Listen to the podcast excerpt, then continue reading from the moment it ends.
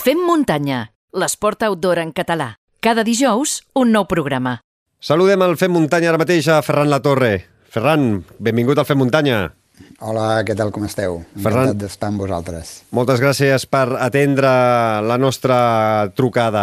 El Ferran és alpinista i aquest dimarts passat eh, va sortir, es va, doncs, eh, es va estrenar a TV3 el, el seu documental Ferran Latorre més enllà dels eh, 8.000. Eh, Ferran, es pot dir que aquest documental és el resum de la teva vida alpinística? Sí, la veritat és que s'apropa molt, eh? Aquesta idea de, de fer un repàs de tota la meva alpi vida alpinística, i quan dic tota vull dir absolutament tota, des que vaig començar a fer muntanya fins, fins a haver aconseguit l'Everest i haver tancat el projecte dels 14 8000. Per tant, doncs sí, amb 50 minuts, eh, que, és, que és molt poc temps, la veritat, i que costa molt comprimir-ho tot, doncs sí, sí que d'alguna manera és un repàs molt personal no?, de la meva carrera com a alpinista. Si no heu tingut eh, ocasió de veure el documental en directe a TV3 al Sense Ficció d'aquest dimarts passat, doncs us recomanem que busqueu el TV3 a la carta, que el trobareu allà disponible. És un documental que tant si us agrada la muntanya com si no, eh, us recomanem que, que el mireu perquè és un documental eh, fabulós, imatges increïbles, bones reflexions que, que, que feu, tant tu, Ferran, com la Durne Passavan, l'Araceli Sagarra, Juanito Iazabal, vull dir que heu anat eh, farcint-ho amb eh, bones entrevistes i anar explicant una miqueta el que heu viscut eh, tots plegats aquests darrers 20 anys. Eh, Ferran, com definiries l'ascensió a l'Everest el 27 de maig del 2017?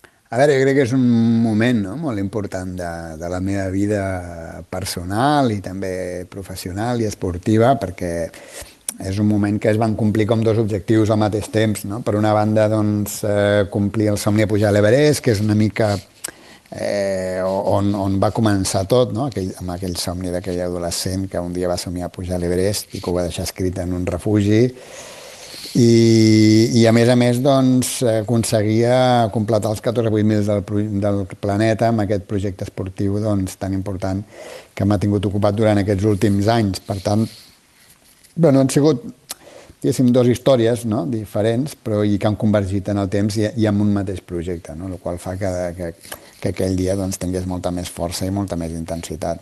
Des del 27 de maig del 2017 fins avui en dia, has tornat a pujar l'Everest o no?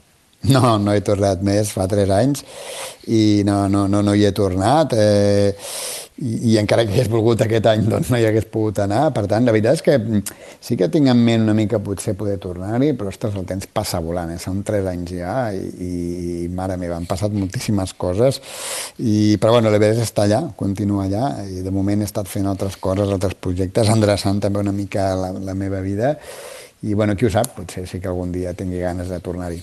Quan tu ja has fet un cim com l'Everest, eh, quan vols tornar o se't passa pel cap tornar-hi eh, una segona o una tercera vegada, quina és la motivació que, que et porta a tornar-ho a pujar? Pujar-ho per una altra via, pujar-ho en una altra època de l'any, eh, pujar-ho amb altres persones amb els eh, quals no hi has pujat i t'agradaria doncs, fer aquesta expedició? A veure, jo crec que cada muntanya té una raó diferent, eh? però si em preguntes concretament en el cas de l'Everest, la raó per la qual hi tornaria seria doncs, potser per tornar-ho a intentar sense oxigen, eh, pel costat nord, eh, l'ascensió la vaig fer pel costat sud del Nepal i el costat nord per mi eh, té molt encant per la història que té, perquè l'he intentat diversos cops per allà, fi, és, és, és un costat que per mi és un lloc doncs, molt, molt especial, no? I, i també per, bueno, per una història d'amistat. M'agradaria tornar-hi, si és possible, amb el Yannick Graziani, que, que vam intentar els dos junts doncs, ara el 2017 i ell no ho va aconseguir. Al final són un conjunt de coses, no? Eh, els que et fan que, que hi vulguis tornar. Reptes esportius, eh, qüestions també d'amistat en aquest cas, eh, ganes de tornar a un lloc que per tu és especial, i que al final no hi ha mai només una única raó, no? En aquest cas, doncs, n'hi hauria bastantes, sí. L'Everest és el, la cirereta d'aquest somni dels eh, 14 8000. Eh, L'has pogut pujar al sisè intent. És l'últim eh, doncs, que ha culminat eh, aquest, aquest gran projecte teu de personal i l'has pujat al sisè intent, dèiem. Eh, per quins motius eh, els altres, les altres cinc expedicions anteriors no, no vas poder fer cim? Bueno, hi ha hagut moltes, cada cop ha sigut una, cosa, una qüestió diferent, eh? però bueno, bàsicament eh, en algunes ocasions ha sigut perquè jo no em vaig trobar bé el dia que, que, que teníem que tocar el cim, d'atacar el cim, altres ocasions ha sigut perquè m'ha fet mal temps, eh, o perquè les condicions no han sigut bones, eh, hi ha hagut una mica de tot, eh? eh I, bueno, coincidit que ha sigut sempre en aquesta muntanya, la veritat és que bueno, pel que sigui, doncs a mi se m'ha creuat una mica i, bueno, ara la sort és que finalment ho vaig poder aconseguir. Tot i així, doncs, per mi continua sent una muntanya especial. Eh? Algú podria pensar que dius, l'acabes odiant, no?, una muntanya així. Però no, no és, no és el cas i, i, i bueno, per això encara tinc una mica doncs, la motivació de, de potser tornar-hi algun dia. Si no vaig eh, mal equivocat, Ferran, a l'any 1995 eh, intentes el primer atac al cim, a, a l'Everest, i en aquest cas no surt bé i perds eh, un amic teu, el Xavi Lamas, en una llau. L'Araceli Sagarra li costa parlar mm. d'aquesta pèrdua. A tu et passa el mateix? Et costa parlar d'aquesta tragèdia?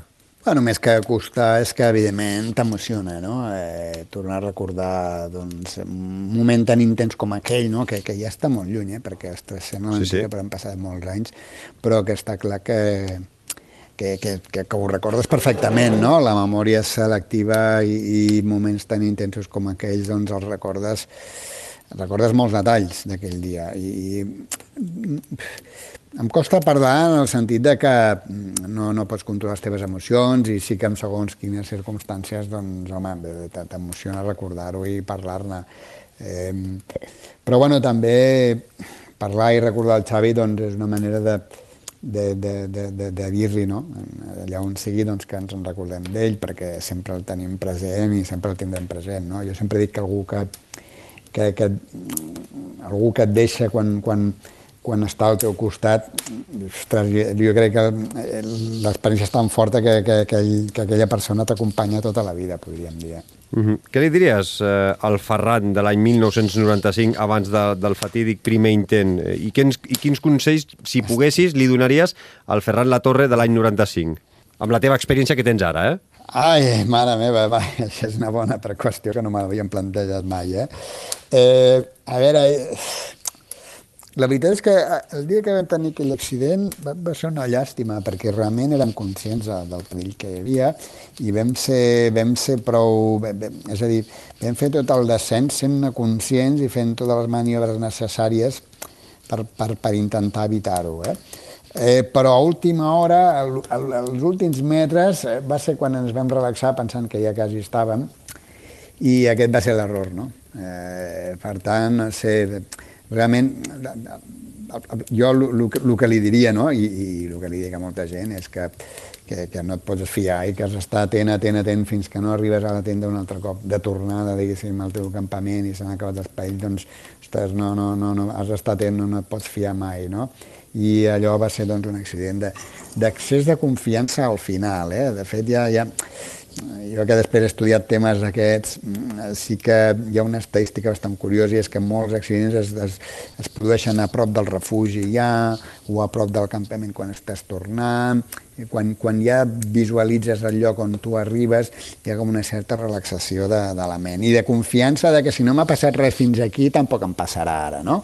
Eh, al final, i bé, la veritat és que un accident pot passar en qualsevol moment, encara que sigui a l'últim minut. Ara estaves parlant d'accidents eh, a l'últim minut, eh, a punt d'arribar al camp base. Això és el que et va passar, el que et va passar eh, a punt d'arribar ja al, a, a final del descens, de, del, baixant ja del K2, que vas eh, eh, coronar el, el K2 i a punt, et quedava poquet per arribar al camp base i vas patir un, un accident greu. Sí, va ser, va ser el Gashebrum 2, eh? Disculpa. Correcte, correcte. Eh, sí, va ser el G2 i, i efectivament va ser això, exactament. Eh? Va ser això perquè va ser... El 2012 va metres, ser. A, sí, a 30 metres lineals del, del Camú, ja baixant del cim i ja pensant en fondre aigua, la tenda, el sac de dormir, menjar una mica, saps? I sí que pel que et deia abans, no, estadísticament torna a ser una mica, no? molt a prop d'allà del punt de salvació, i realment va ser així, estàvem a 30 metres lineals a la tenda, per un excés de confiança que ara seria llarg d'explicar, doncs eh, vaig caure dintre una esquerda, fins al fons de l'esquerda, Eh, per sort meva, doncs, aquella esquerda eh, només tenia 15-20 metres. Eh? Però jo, jo crec que una mica menys, no? Passa que la persona que anava em deia 30, 30, 30, no, 30 no en tenia, però 15 metres en tenia, i perquè, bueno, hi ha esquerdes que tenen 50, 60, 70 metres, i evidentment una esquerda així, doncs no, no te'n surts. Mm, L'any 2012 va ser el penúltim intent de, de fer l'Everest, abans d'aconseguir-ho el 2017, Uh. Vas estar molt, molt a prop, a escassos 300 metres de, de pujar, les condicions uh, t'acompanyaven per poder pujar, uh, però tens un dilema mental, no?, de pujar i fer cim o ajudar un xerpa. Què, què et passa pel cap uh, quan tens l'objectiu tan a prop però saps que si no ajudes a aquella persona, mm. doncs no, no sobreviurà. La veritat és que veient el, les notícies que ens arribaven, que no eren gaire precises, però jo ja començava a intuir que alguna cosa rara passaria, jo ja anava amb el meu xerpa aquell dia, que fèiem, l'ascensió la fèiem ells dos només, i només hi havia tres persones més amb tot l'Everest, vull dir que realment va ser un intent així que no hi havia gairebé, ni, bueno, cinc persones estàvem a l'Everest, eh, només.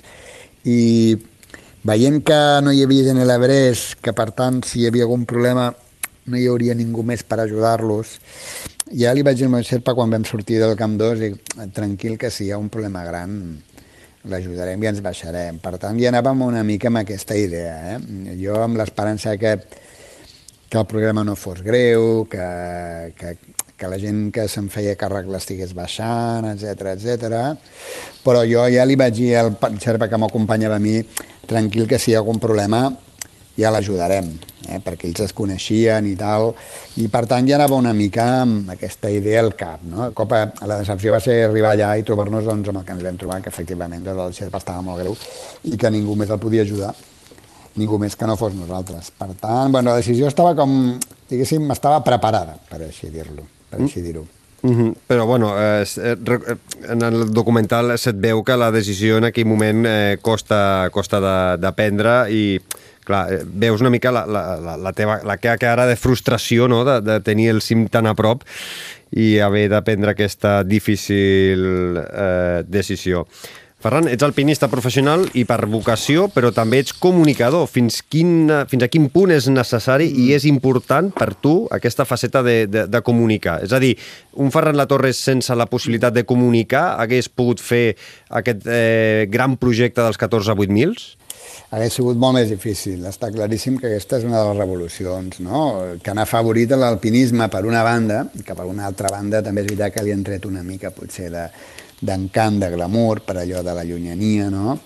eh, d'estar aïllat, d'estar lluny, el misteri de no poder-te comunicar amb la gent, eh, però està clar que això ha donat oportunitats a moltíssims alpinistes i escaladors. No? Avui molts escaladors, molts alpinistes han de saber també comunicar, i quan dic saber comunicar vol dir moltes coses, eh? perquè la comunicació és molt ampla, eh? no, no, no, no fa falta potser ser un gran escriptor per comunicar, al contrari, amb les xarxes socials, doncs sí, si tens una bona faceta literària, doncs segur que la pots explotar, però es barregen tantes coses, oi?, perquè és la gràcia amb la que fas les fotos, eh, allò que vols comunicar, la manera en què ho vols comunicar, en fi, s'han obert tantes possibilitats que avui en dia això ha possibilitat doncs, que molts alpinistes i escaladors, per almenys, puguin tenir els seus canals de comunicació i arribar a la gent no? que els interessa. Per tant, bueno, jo m'incloc una mica amb, amb aquesta onada. És veritat que al final de la meva carrera ja, perquè clar, jo quan vaig començar filmàvem en cine, imagina't, eh, una pel·lícula s'ha de revelar,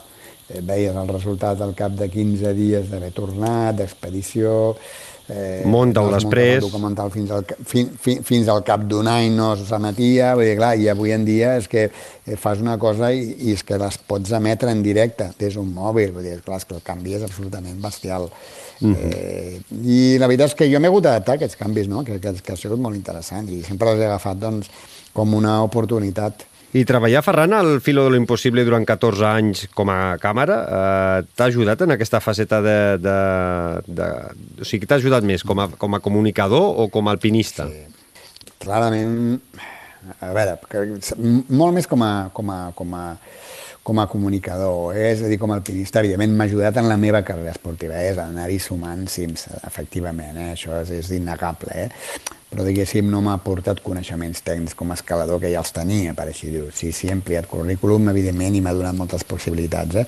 però jo valoro molt, doncs, eh, eh, el fet d'aprendre un ofici que va ser el de filmar, el de comunicar, el de pensar com has de gravar, el de pensar què vols explicar, donar-hi voltes a tot això, eh, per mi ha sigut vital de cara doncs, a poder comunicar i sense aquest esperit doncs, mai hagués pogut filmar els 14 com els he filmat, no? sobretot la meva, la meva part del projecte personal, eh, que a mi m'ha divertit molt fer-ho. Era dur perquè era allò fer-t'ho tu mateix, eh? però, però bueno, una, de les, una de les excuses que tenia per, per seguir fent muntanya era, ostres, poder fer fotos, poder filmar-ho. La veritat és que és un plaer treure fotos bones d'aquests llocs i, i per mi doncs era una de les peces eh, diguéssim, més, més motivadores d'aquest projecte. És a dir, fer-ho, però poder-ho fotografiar i poder-ho explicar. En aquest documental és espectacular perquè, evidentment, ja explica tota la teva història tota la, la, la, la, durant, aquests, durant tots aquests anys, però uh, la, la, la sort que tenim de poder veure fotografies i imatges a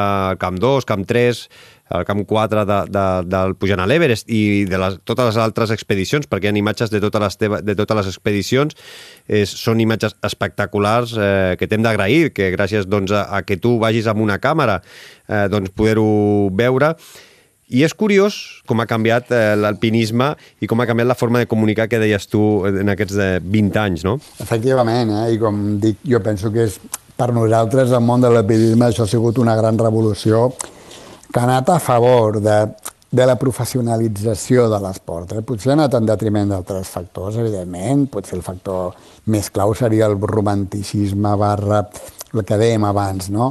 Eh, aquesta idea que tothom té de l'alpinisme d'una aventura que està lluny, no? en un lloc eh, una mica recòndit del planeta Terra, doncs, bueno, clar, quan ho estàs comunicant online i en directe, doncs perd no? aquesta màgia una mica d'allò que allunyat, però per altra banda, doncs, és, és, és una eina brutal no? per poder arribar a la gent que et segueix, a la gent que vol saber què estàs fent, com et va anant, com estàs, eh, eh, és brutal. Si ho haguéssim tingut de jovenets, la veritat és que ho haguéssim gaudit molt, jo penso. Uh, a tu t'agradaria que l'alpinisme tingués normes com qualsevol altre esport per poder comptabilitzar els cims i els reptes uh, tots per igual o, o ja està bé com s'està fent fins ara i, i llavors que quedi escrit en els anàlegs de la història de l'alpinisme com s'ha pujat?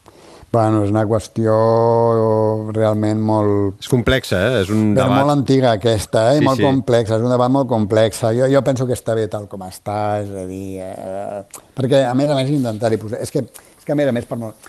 una cosa que nosaltres voldríem però que és impossible és que és absurd ja ni, ni començar a discutir-la, perquè jo trobo que és, que és impossible posar normes a l'alpinisme. És que la casuística és tan immensa, tan gran, que, que, que, que es fa molt complicat.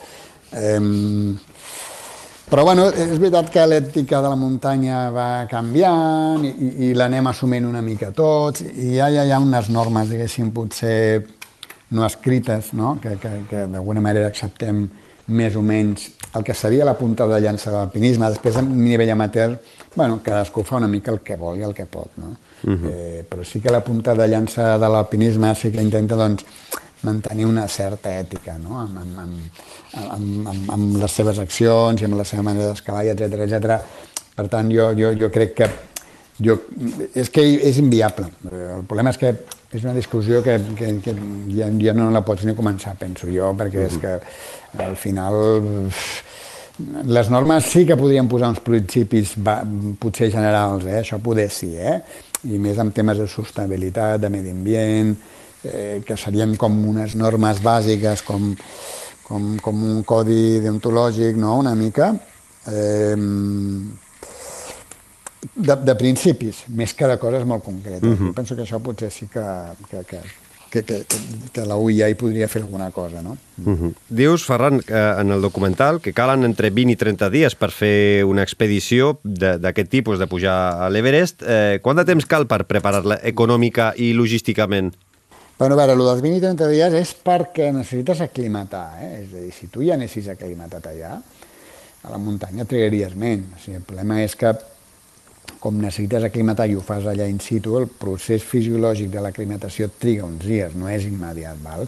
però si tu anessis ja aclimatat perquè has utilitzat una cama hipobàrica o, o, o el que fa molta gent, eh? que fa un 8.000, agafa un helicòpter, bum, i es desplaça molt ràpid a un altre 8.000, que 8.000 triguen una setmana en fer-lo, és a dir, estan allà i quan fa bo hi pugen. Val? Sobretot si hi ha la infraestructura ja muntada, que és molts dels casos, no? Uh -huh. L'altra qüestió és quan trigues a muntar-la.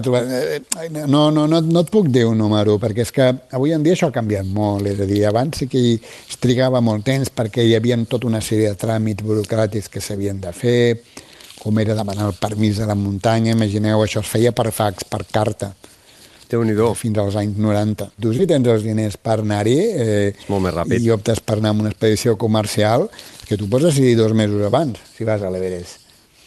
déu nhi Pagues, és que no, Sí, i tens sí. els diners ja, com a particular, eh? Vull dir, al final dius, vull anar al Chollo o al Macalo. Doncs busques una agència, mmm, busques informació, eh, demanes un pressupost i si tens els diners, pagues i vas. Evidentment, després aquí cadascú sap les seves comptes, no? És a dir, sap si té els diners i sap si està prou Físicament preparat i tècnicament. Per, físicament i tal, eh? evidentment. Bueno, entro dintre de, del supòsit d'una persona que té experiència en muntanya, que sap el que es fa, que està preparada, que ja té el material seu. Avui en dia tota aquesta logística s'ha facilitat molt. T'agraden, Ferran, les expedicions hivernals o no? A veure, em vaig fer una el 2003. El 2003 vaig estar al Borat Peak amb el Filo i vam intentar a l'hivern. Són dures, A veure, eh? Són sí, dures són dures. Sí, no, és a dir, la, el pinisme hivernal a mi m'agrada molt. Jo tota la vida he fet el pinisme hivernal. Quan parlem del pinisme hivernal és fer activitat als Alps o al Pirineu a l'hivern. Eh?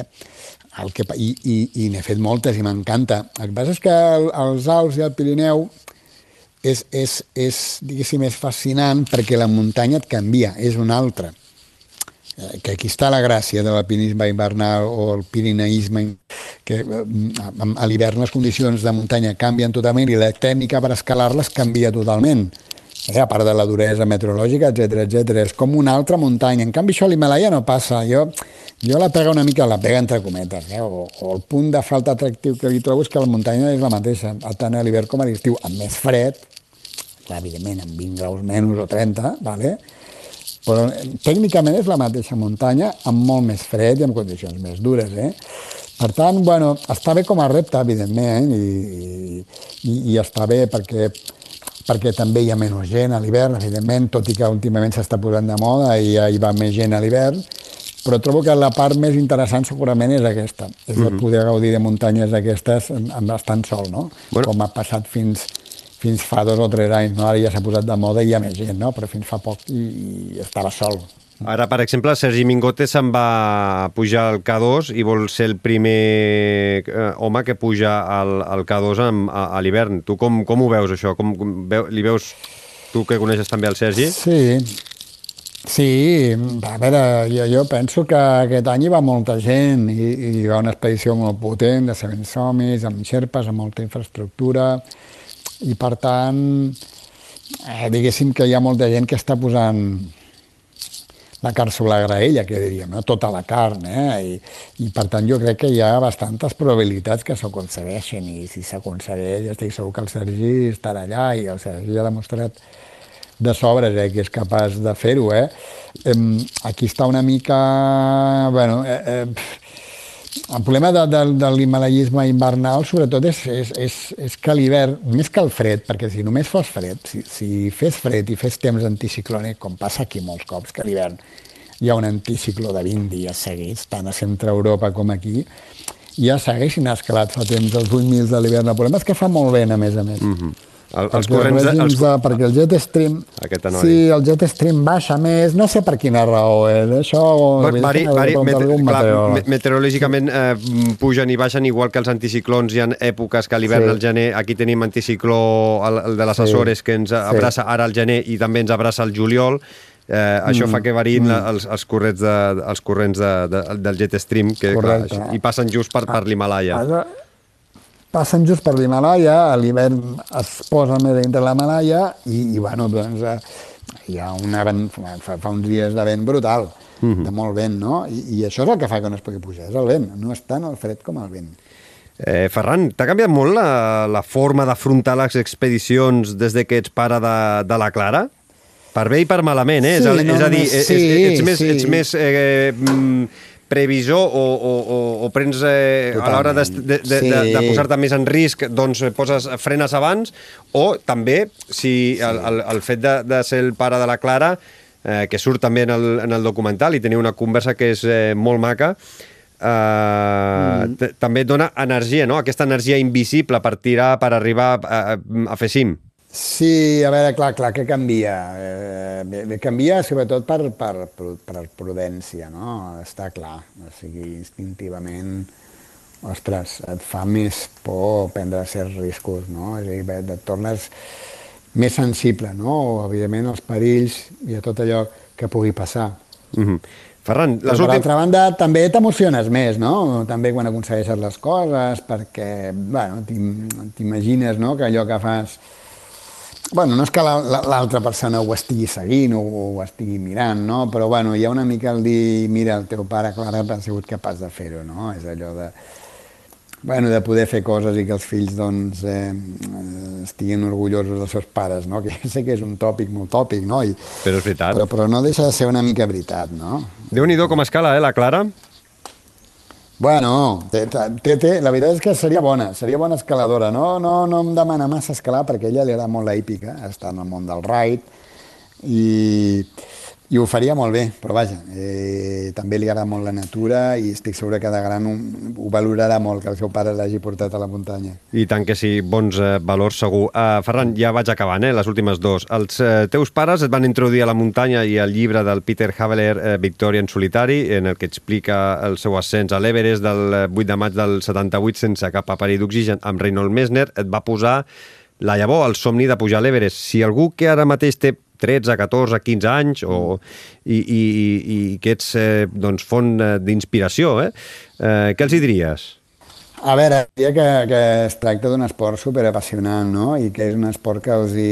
que, que, que és més que un esport, eh? I que per tant és una activitat que va més enllà de l'esport i que gaudiran molt perquè gaudiran de, de, de, de, de donar-se i de viure molt a prop de la natura i de donar-se de, de lo extraordinària i, i de la quantitat d'energia que ens dona la bellesa de la natura, que ens permetrà conèixer molts llocs, que ens permetrà conèixer molta gent, que ens permetrà estar en forma i que ens permetrà viure moments de, de molta plenitud barra grandesa, no? que és que buah, quan arribes al cim després d'una ascensió difícil que ho has donat tot, jo penso que és un moment superbonic, superintens, que val molt la pena viure'l. I els diria sobretot que siguin molt prudents, que vagin amb molt, molt, molt, molta alerta eh, i que es formin molt, no? que, que, que, que preguntin, que aprenguin del mitjà en el que es mouen, perquè això els ajudarà a minimitzar els perills que, que hi són no? i que sempre hi seran. Mm, hi ha rivalitat entre alpinistes o no? Per veure qui és el primer a fer un cim, o que obre aquesta via, o que és el primer en, en, en fer un projecte. Hi ha rivalitat? O,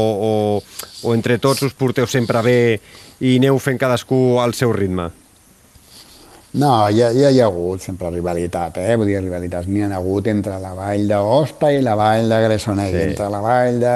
Eh, això és un clàssic, i ve de molt lluny, eh? forma part de la condició humana, després depèn de cadascú, és a dir, això és com, com en totes les societats hi ha gent més competitiva que altra, en fi, les raons per les quals una escala eh, són, són múltiples i cadascú té les seves, I, però, i, però sempre, sempre, sempre hi ha hagut al llarg de la història competitivitat per ser el primer, eh, o per ser més ràpid, o per superar el rècord de l'altre, o per fer-ho millor que l'altre, que jo penso que és bastant inherent, és bastant humà que sigui així.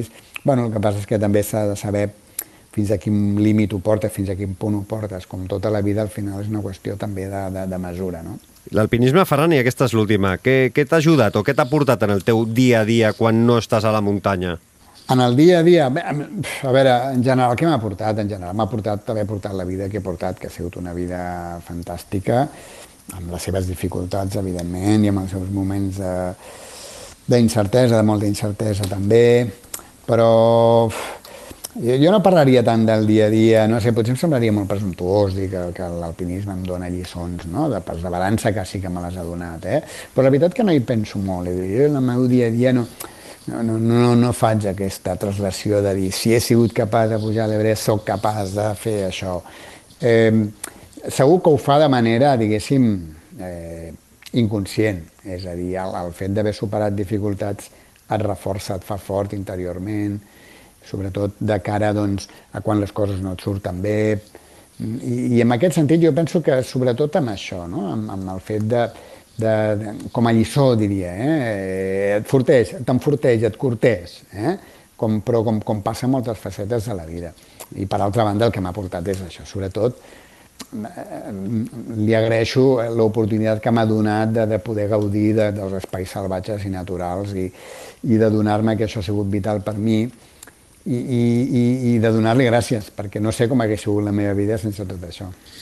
Doncs eh, Ferran Latorre, més enllà dels 8.000, eh, documental que es va poder veure aquest dimarts passat a TV3, al Sense Ficció, i que podeu recuperar quan vulgueu a TV3 a la carta. Si no l'heu vist, eh, totalment recomanable. Aneu, visite, eh, ve, veieu el documental, ens podeu dir doncs, eh, què en penseu a les nostres xarxes socials, i nosaltres estem eh, molt contents d'haver pogut parlar amb tu eh, que teníem moltes ganes eh, i ara doncs, eh, anar buscant reptes que segur que el teu cap deu estar ple de reptes, ple d'idees i, i aportar-los a terme.